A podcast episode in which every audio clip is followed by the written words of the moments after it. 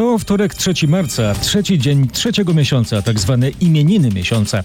Zaczynamy podcast Podsumowanie dnia w RMF FM. Bogdan Zalewski, witam i zapraszam. Słowo klucz w wydarzeniach to niestety koronawirus, ale mamy też mnóstwo innych informacji. Zapewniam.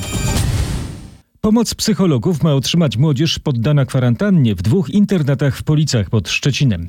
Na oddział zakaźny szpitala trafiły dwie nastolatki z wysoką gorączką. Ze względu na podejrzenie, że to koronawirus, około 200 osób, uczniów i wychowawców ma zakaz opuszczania budynków internatu. Mieli styczność z chorymi nastolatkami.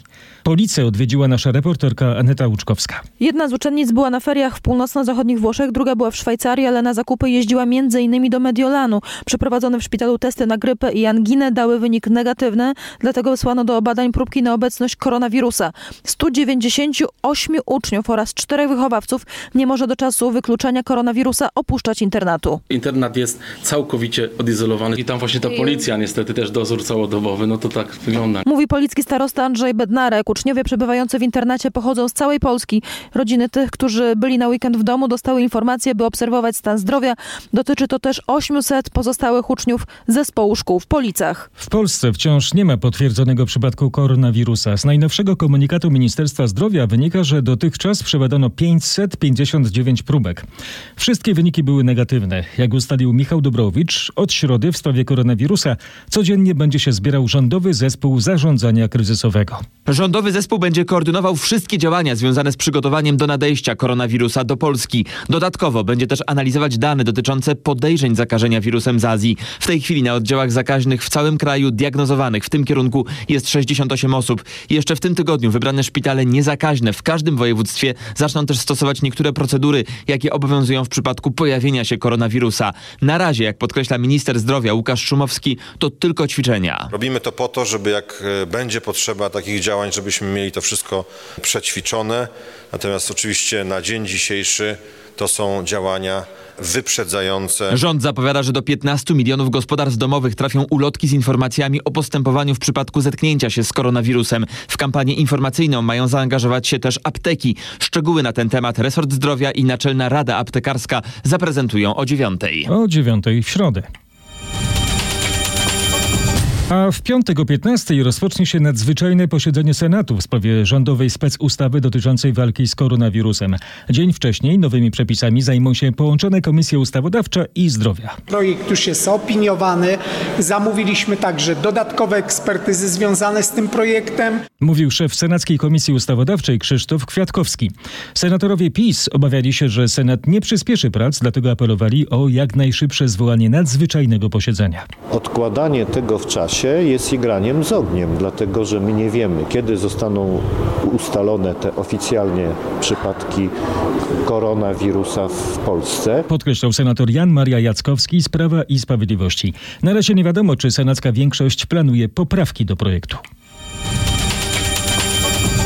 Politycy w sprawie koronawirusa wypowiadają się nie tylko w polityczny sposób. Przykład? Oto taki fragment porannej rozmowy Roberta Mazurka z Pawłem Kukizem. Córka we Włoszech na wakacji. To pana nie martwi bardziej? Na Sycylii. Sycylia to jest to Włochy, ale nie, nie, to tak szczerze mówiąc, bardzo mnie martwi, ale nie, proszę mnie w tej chwili nie prowokować do jakichś y, rodzinnych za chwileczkę, wie pan, y, różnych Pan głowy, że pan jej z głowy wybije takie rzeczy. Nie, ja jej nie wybiję. Mam nadzieję, że jej wybiją z głowy, jak y, przyjedzie do Polski, bo wyjechała w dniu, kiedy już te, y, te y, historie były ogłaszane.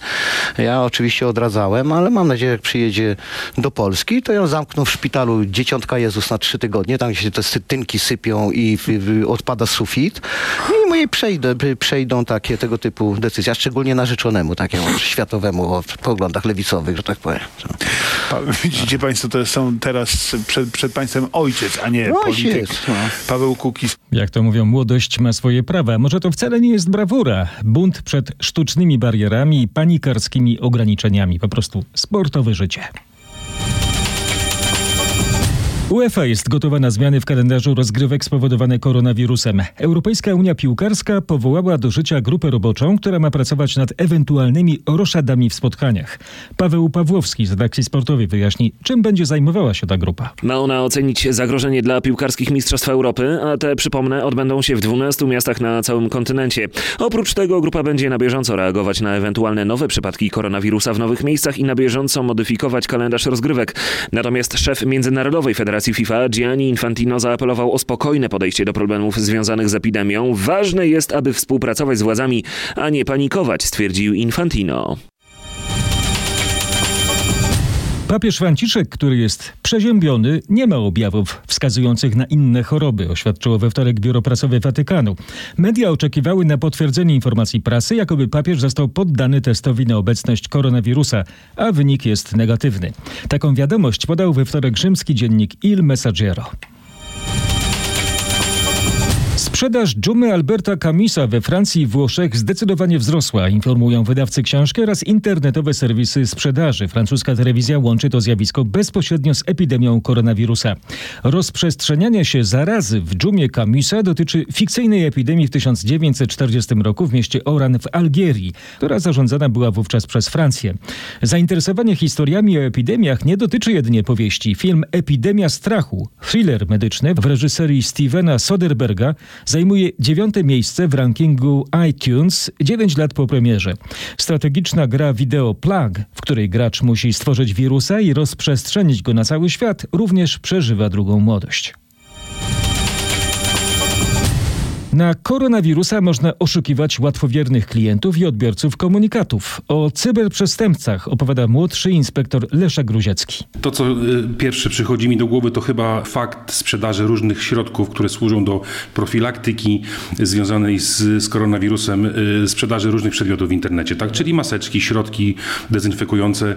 Y, zaczynamy za, zauważać miejsca w internecie, aukcje, ogłoszenia, gdzie mogą pojawiać się fałszywe ogłoszenia, tak? albo ceny bardzo mocno zawyżone, albo znowu ceny bardzo korzystne, gdzie w sumie do transakcji może nie dojść. I już są informacje, że firmy ze świata dokonują zakupów w Polsce y, środków ochrony osobistej, maseczek i tak dalej. I tak naprawdę do transakcji nie dochodzi, ponieważ y, sprawcy podszywając się y, pod legalnie działającą firmę nie mają zamiaru się wiązać z takiej operacji. Tak chodzi tylko o to, żeby doprowadzić do podpisania kontraktu, przyjąć pieniądze na rachunek bankowy, no i potem taka transakcja nie dochodzi do skutku.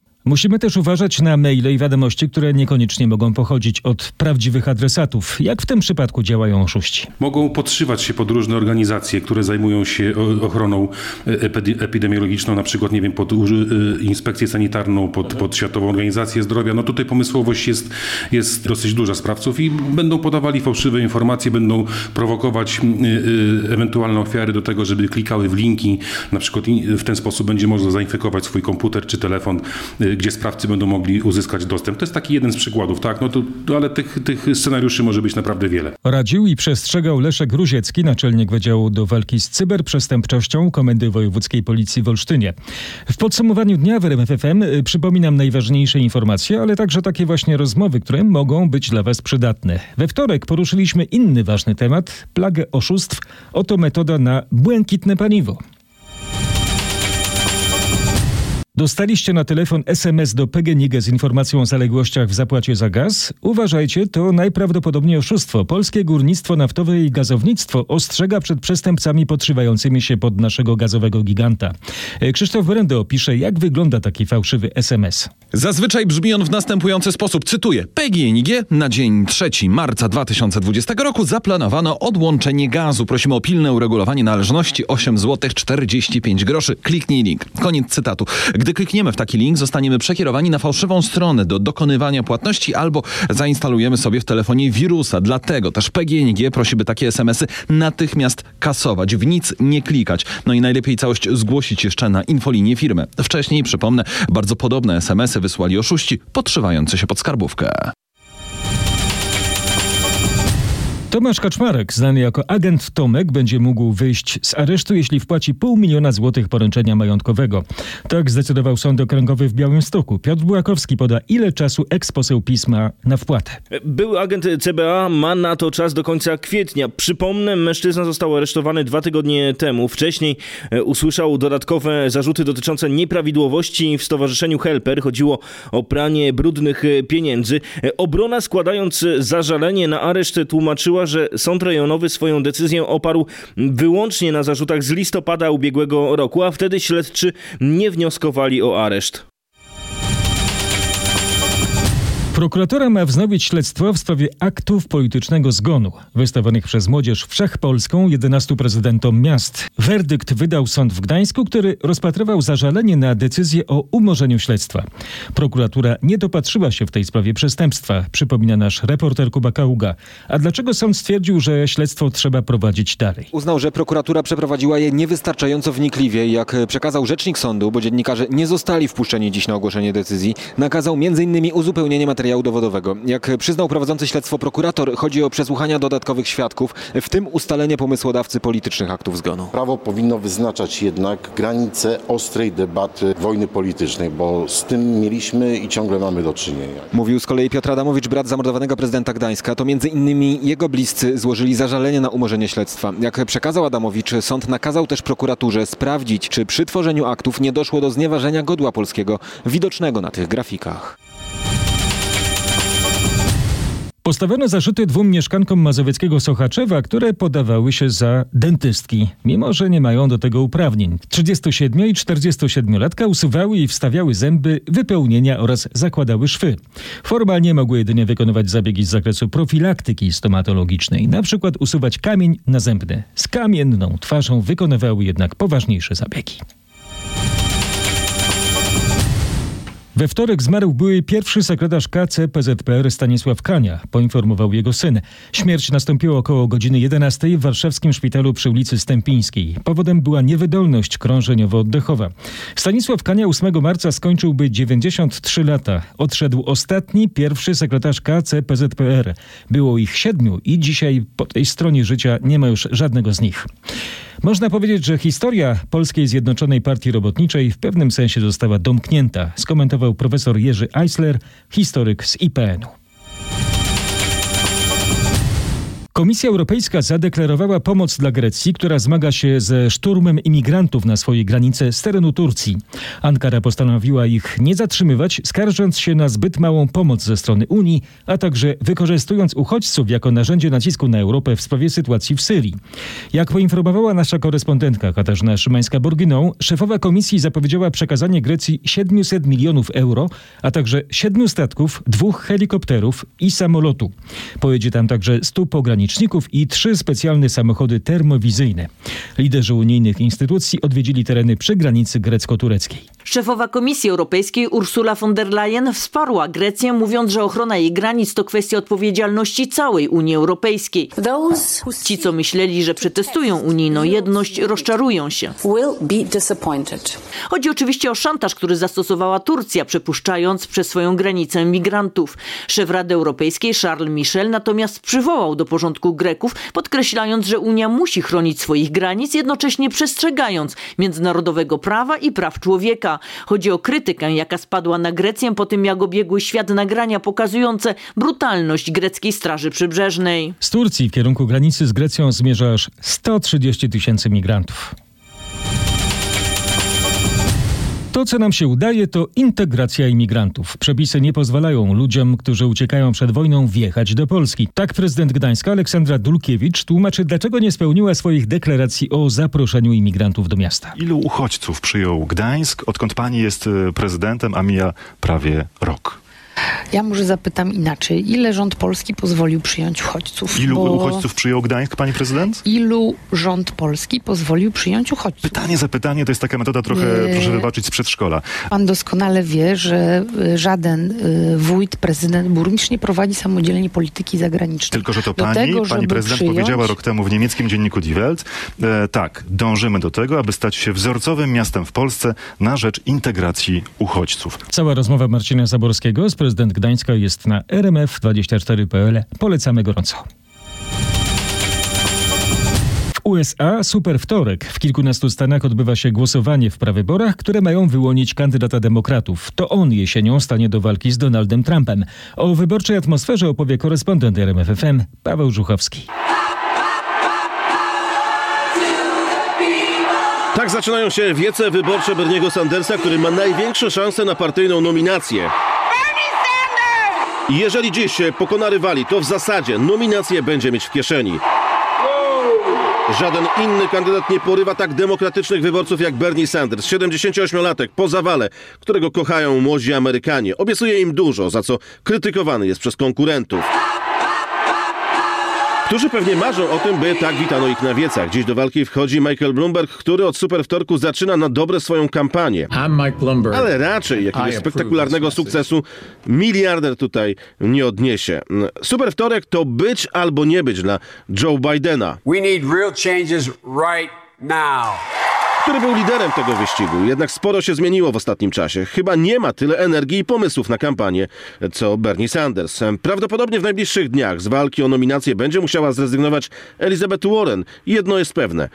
To dziś bardzo ciekawy dzień w Stanach Zjednoczonych.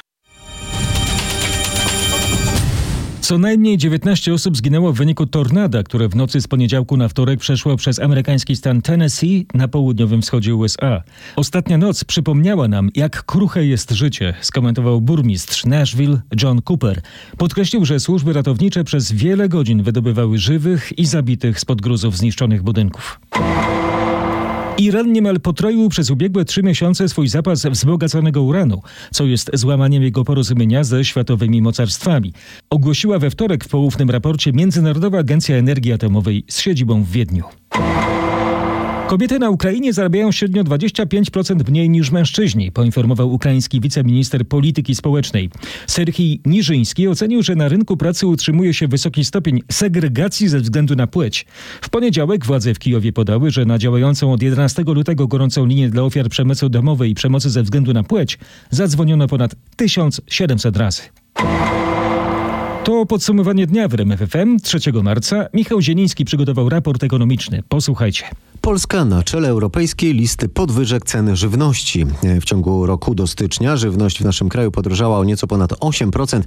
To najwięcej ze wszystkich krajów Unii Europejskiej, wylicza BNP Paribas na podstawie danych Eurostatu. Średnia dla całej Unii jest znacznie niższa i wynosi 2,8%. W Polsce najbardziej podrożały owoce, prawie 17% i mięso ponad 14%. Niemal tak szybko jak w naszym kraju drożeje żywność w Bułgarii i na Węgrzech. Interwencja amerykańskiego banku centralnego ma zniwelować gospodarcze skutki epidemii koronawirusa. Amerykańska Rezerwa Federalna na nadzwyczajnym posiedzeniu obniżyła stopy procentowe o pół punktu. Rezerwa dopiero po raz ósmy w historii i pierwszy raz od kryzysu finansowego 12 lat temu podejmuje taką nadzwyczajną decyzję. Niższe stopy procentowe mają napędzić gospodarkę dodatkowymi kredytami. Wcześniej kraje grupy G7 zapowiedziały działania podatkowe, które powinny działać stymulująco na gospodarki. Nie podano konkretów, pozostawiając decyzje poszczególnym rządom.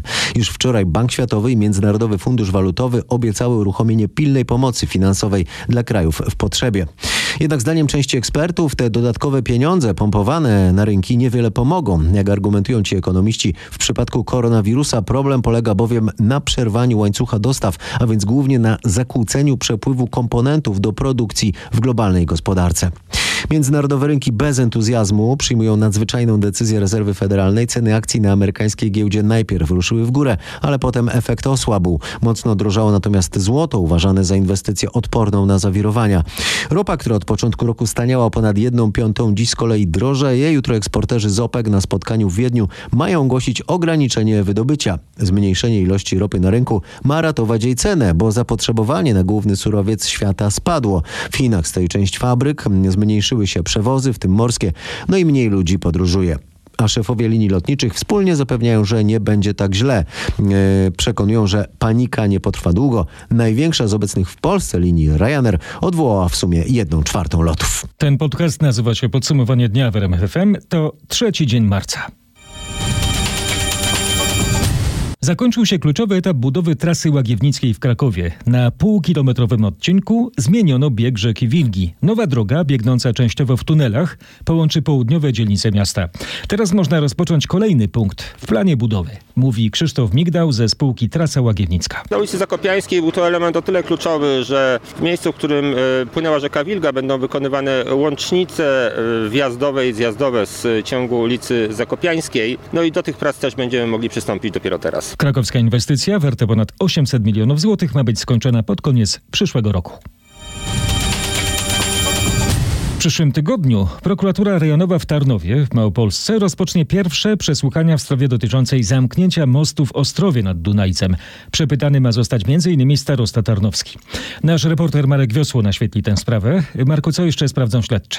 Zabezpieczone są m.in. wszystkie ekspertyzy mostów w Ostrowie, w tym dokumenty dotyczące okresowych przeglądów i remontów. Pod koniec listopada ubiegłego roku lokalne władze podjęły decyzję o natychmiastowym zamknięciu przeprawy nad Dunajcem z powodu złego stanu technicznego. Decyzja ta zapadła z dnia na dzień. Wielu mieszkańcom Tarnowa i okolic utrudniło to dojazd do węzła autostratowego Tarnów-Mościce. Prokuratura prowadzi śledztwo pod kątem niedopełnienia obowiązków służbowych, w wyniku czego mogło dojść do katastrofy budowlanej. Śledczy chcą sprawdzić, czy urzędnicy już wcześniej nie mieli przesłanek o złym stanie technicznym przeprawy. W tej sprawie przesłuchani mają być m.in. starosta Tarnowski i powiatowy inspektor nadzoru budowlanego. W Warszawie pojawiły się pierwsze totemy dla rowerzystów. To ustawione tuż przy ścieżce rowerowej urządzenie, które za pomocą zielonego, czerwonego lub żółtego sygnału przekaże użyteczne informacje. Wyświetlacz ma wskazać rowerzyście, z jaką prędkością ma się poruszyć, żeby z dużym prawdopodobieństwem trafił na zielone na najbliższym skrzyżowaniu. Tłumaczy Tomasz Dąbiej z warszawskiego ZDM-u. Rowerzyści, którzy przejeżdżali obok totemu na Towarowej mają mieszane odczucia. Miałem czerwone światło na totemie i no niestety nie udało się dojechać na, zielo, na, na zielone na przejście. Także fajna, ale bezsensowna, moim zdaniem. Bezsensownie wydane pieniądze, po prostu. Nikt na to nie będzie zwracał uwagi raczej. Nie, ale ja myślę, że ludzie się do wszystkiego przyczepią. Ja myślę, że to jest fajna sprawa. Po prostu będzie użyteczne. Przyspieszę, jak jest zielone i dojadę. W sumie w Warszawie pojawi się ponad 50 takich totemów w 30 miejscach. Sławny psychoanalityk Zygmunt Freud napisał książkę Totem i tabu. My tu tabu nie uznajemy, zwłaszcza finansowych. Koszt kolejnej kontrowersyjnej inicjatywy w stolicy to około miliona złotych. Środki czystości i przybory szkolne najbardziej są teraz potrzebne pogorzelcom z Czerwionki Leszczyn na Śląsku. Po pożarze Familoków dwa tygodnie temu dach nad głową straciło 17 rodzin. Mieszkańcy pomagają poszkodowanym. Od poniedziałku trwa zbiórka potrzebnych im rzeczy. Tu mamy mydła w płynie, proszki, pasty do zębów. Widzę plecaki szkolne. Plecaki szkolne, zeszyty, jakieś kredki, nawet słodycze ktoś przyniósł, także musimy to w jakiś sposób potem podzielić. Ilość tego wszystkiego i jakość tego wszystkiego spowoduje, że te osoby będą miały od czego zacząć. Z Ireną Woźnicą, która wraz ze znajomymi m.in. z Uniwersytetu Trzeciego Wieku zorganizowała zbiórkę, rozmawiała Anna Kropaczek. Dary można przynosić do soboty w godzinach od 10 do 12 do budynku przy hali targowej w Czerwionce Leszczynach. Przed kupowaniem zwierząt przez internet ostrzega w najnowszym raporcie Towarzystwa Opieki nad Zwierzętami. Inspektorzy przeanalizowali ponad pół tysiąca ogłoszeń w sieci. Słowo sieć można potraktować tu dosłownie. To takie sidła. Tylko 5% takich anonsów spełniało standardy etyczne. Na co powinna zwrócić uwagę osoba, która chce kupić zwierzę, na przykład psa, przez internet? Przede wszystkim powinna zwrócić uwagę na to, czy ma pełną nazwę hodowli. Bardzo często oszuści podszywają się pod istniejące stowarzyszenia, pod istniejące hodowle, używając na przykład nazw skrótowych. Powinna być informacja o rodzicach zwierzęcia, powinna być informacja o tym, czy zwierzę jest zaczipowane, zaszczepione. Których zwierząt najczęściej dotyczy problem tych ogłoszeń? To będą buldogi francuskie, chihuahua, mopsy, czyli takie wszystkie bardzo teraz popularne rasy. Podkreśla Michał Ibizuk z Towarzystwa Opieki nad Zwierzętami. Rozmawiał z nim nasz reporter Michał Dobrowicz. Na co jeszcze warto zwrócić uwagę, szukając w sieci psa albo kota? Zapoznajcie się z naszymi podpowiedziami na rmf24.pl.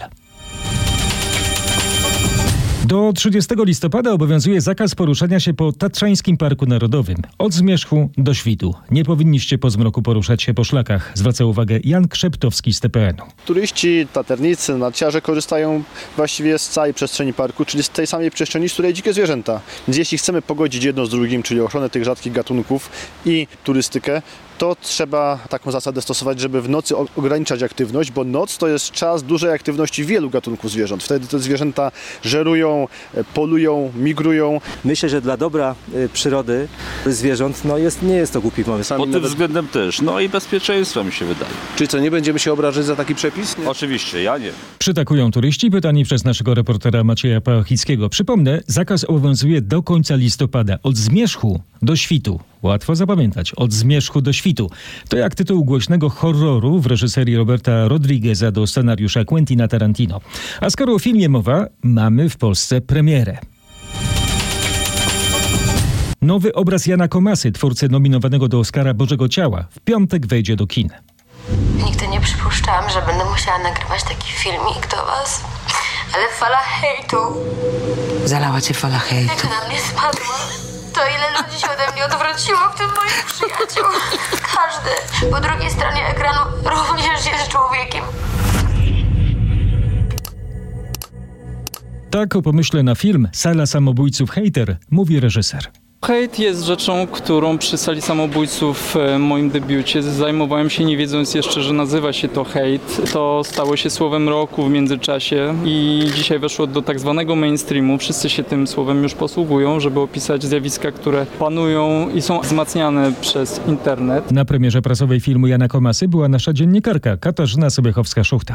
Hejter to jest opowieść o tym, jak rodzi się zło i jak różne ma odcienie. Wszystko przez odrzuconą miłość, poczucie krzywdy, wykluczenie, upokorzenie i chęć zemsty. Zanurzone w internecie, do którego każdy dziś ma dostęp i gdzie wielu czuje się dziś anonimowych. Gdzie pracujesz? W internetach. Reżyser opowiedział też o tym, jak bardzo nie potrafimy się dziś porozumieć, ale z taką samą uwagą przygląda się środowiskom wrzeszczącym śmierć wrogom ojczyzny czy precz z islamem, jak i kulturalnym elitom, które brzydząc się przemocą fizyczną i słowną wyśmiewają chłopaka z prowincji na przykład, gdy tylko przekroczy próg ich domu, albo ukraińską pomoc domową. Gdzieś po środku jest jeszcze masa ludzi bez własnego zdania, którymi bardzo łatwo niestety manipulować. Witam cię w sali samobójców. Polecam gorąco wpis Katarzyny Sobiechowskiej-Szuchty na stronie rmf24.pl pod tytułem Hejt Hejtem z hejtem o hejcie. Nowy film Komasy ma nami wstrząsnąć. Przypomnę, że Jan Komasa jest autorem filmu Sala Samobójców. To tragiczna historia wrażliwego chłopaka. Dominik spotyka w sieci dziewczynę, która staje się jego przewodnikiem po wirtualnej sali samobójców. Duże wrażenie zrobił na mnie przed laty ten obraz. Chętnie obejrzę nowy film. Wtorek, 3 marca to Międzynarodowy Dzień Pisarzy. Jak zostać twórcą literatury? Pytał wrocławian nasz reporter Mateusz Czmiel. Co trzeba mieć w sobie? Chęci? Co jeszcze? Trzeba dużo czytać? E, nie wydaje mi się. No trzeba na pewno umieć pisać i też no, być kreatywnym, to z pewnością. Trzeba dużo czytać? No tak, bo jednak nawiązania są ważne w tekstach, chociaż są też i teksty takich zupełnych, normalnych, prostych ludzi, więc myślę, że to zależy od człowieka. A ulubiony pisarz? Mario Vargas Llosa, uwielbiam go, więc mam dość dużą biblioteczkę jego książek. Innych, Dlaczego akurat on? Ponieważ pisze bardzo ciekawym y, językiem, dość trudnym, więc trzeba się posługiwać słowniczkiem wyrazów obcych, więc y, kształtuje moją osobowość, y, pisze pięknie, zresztą noblista, jeśli pamiętam dobrze, polityk, y, cie- ciekawa, cie, ciekawe pozycje, intrygujące. Bukowskiego lubię. I co napisał? Kobiety na przykład, Faktotum. Prze- Przeczytałem chyba wszystkie jego powieści. Nie ma ich za dużo, chyba cztery czy pięć. Dlaczego akurat te czym się wyróżniały? Łatwością czytania, Tak. językiem? Ła, łatwo się czyta, przyjemnie. No i też taka historia jest ciekawa, barwna.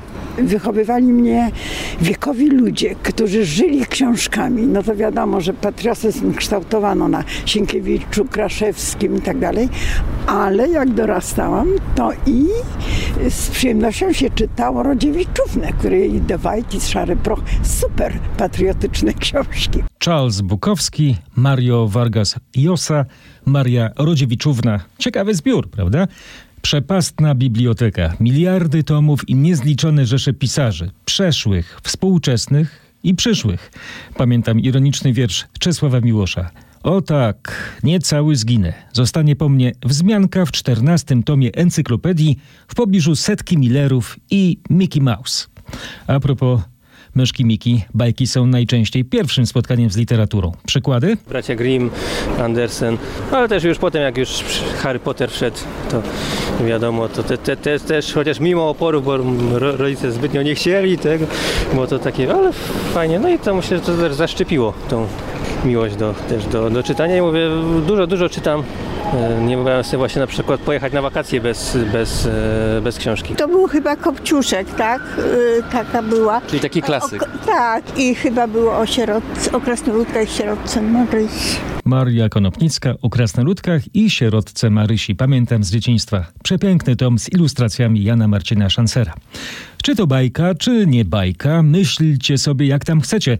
A ja przecież wam powiadam, krasnoludki są na świecie. Naród wielce osobliwy, drobny niby ziarnka w bani. Jeśli które z was nie wierzy, niech zapyta starej niani. Tak naturalnie płyną słowa baśni Marii Konopnickiej. A czy lekkie pióro ma lekko atleta? Długo nie myślę. Rzucam sobie pomysł, hasło i zaczynam to realizować, mówi w rozmowie z RMFFM Marcin Lewandowski. Tak powstała książka Mój bieg, która opowiada o karierze utytułowanego zawodnika. Tak naprawdę w skrócie można powiedzieć, że książka ta opisuje właśnie oczami profesjonalisty, świat profesjonalnego sportu, tą całą otoczkę. Czytelnik będzie miał możliwość wczuć się w rolę właśnie profes- profesjonalnego sportowca, żeby zobaczyć jak nasze życie wygląda, bo nie zawsze jest tak pięknie też, jak to z boku się wydaje. Rozmowę z Marcinem Lewandowskim możecie obejrzeć na rmf24.pl. Dowiecie się o tym, jak się czuł w roli pisarza. Polski lekkoatleta specjalizujący się w biegach średnich, a książka to był dla niego dłuższy dystans. Holandia, Włochy oraz Bośnia i Hercegowina to rywale naszych piłkarzy w tegorocznej Lidze Narodów. Patryk Serwański obserwował ceremonię losowania. Mamy powtórkę z poprzedniej edycji tych rozgrywek, prawda?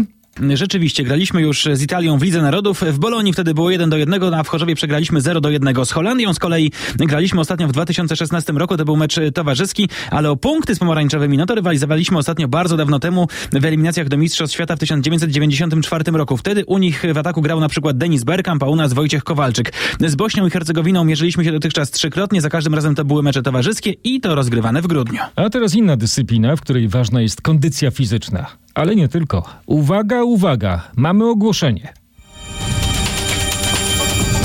Amerykańska agencja kosmiczna NASA po raz pierwszy od ponad czterech lat poszukuje nowych astronautów. Kandydaci powinni być gotowi do częstych podróży. Poinformowała agencja w komunikacie rekrutacyjnym opublikowanym na swojej stronie internetowej. Ameryka od czasu programu Apollo nigdy nie była tak blisko ponownego wysłania astronautów na Księżyc. Do 2024 roku wyślemy pierwszą kobietę i kolejnego mężczyznę na południowy biegun Księżyca, powiedział administrator NASA. Jeżeli marzyliście o byciu astronautami, zgłaszajcie się, dodał Jim Bridenstine. To jest kosmos. Brytyjska mennica przygotowała niezwykłą monetę, waży aż 7 kg i upamiętna filmy o Jamesie Bondzie. Donosi o tym nasz londyński korespondent Bogdan Frymorgan. W przyszłym miesiącu na ekrany brytyjskich kin wejdzie Nie czas umierać. 25 z kolei film o przygodach agenta 007. Name? Bond. James Bond. Jak przystało na agenta 007, moneta posiada nominał 7 tysięcy funtów. Ma prawie 20 cm średnicy i zrobiona jest ze złota. Nie wiadomo ile będzie kosztować, ale dla porównania dwukilogramową monetę z tej samej serii można zakupić za 130 tysięcy funtów. Gigantyczny eksponat został wykonany ręcznie. Umieszczono na nim wizerunek Aston Martina, ulubionego samochodu Jamesa Bonda, z wygrawerowanym numerem rejestracyjnym. Kolekcjonerzy dysponujący skromniejszym budżetem mogą spać spokojnie. Najtańsza moneta z tej serii kosztować będzie zaledwie 13 funtów.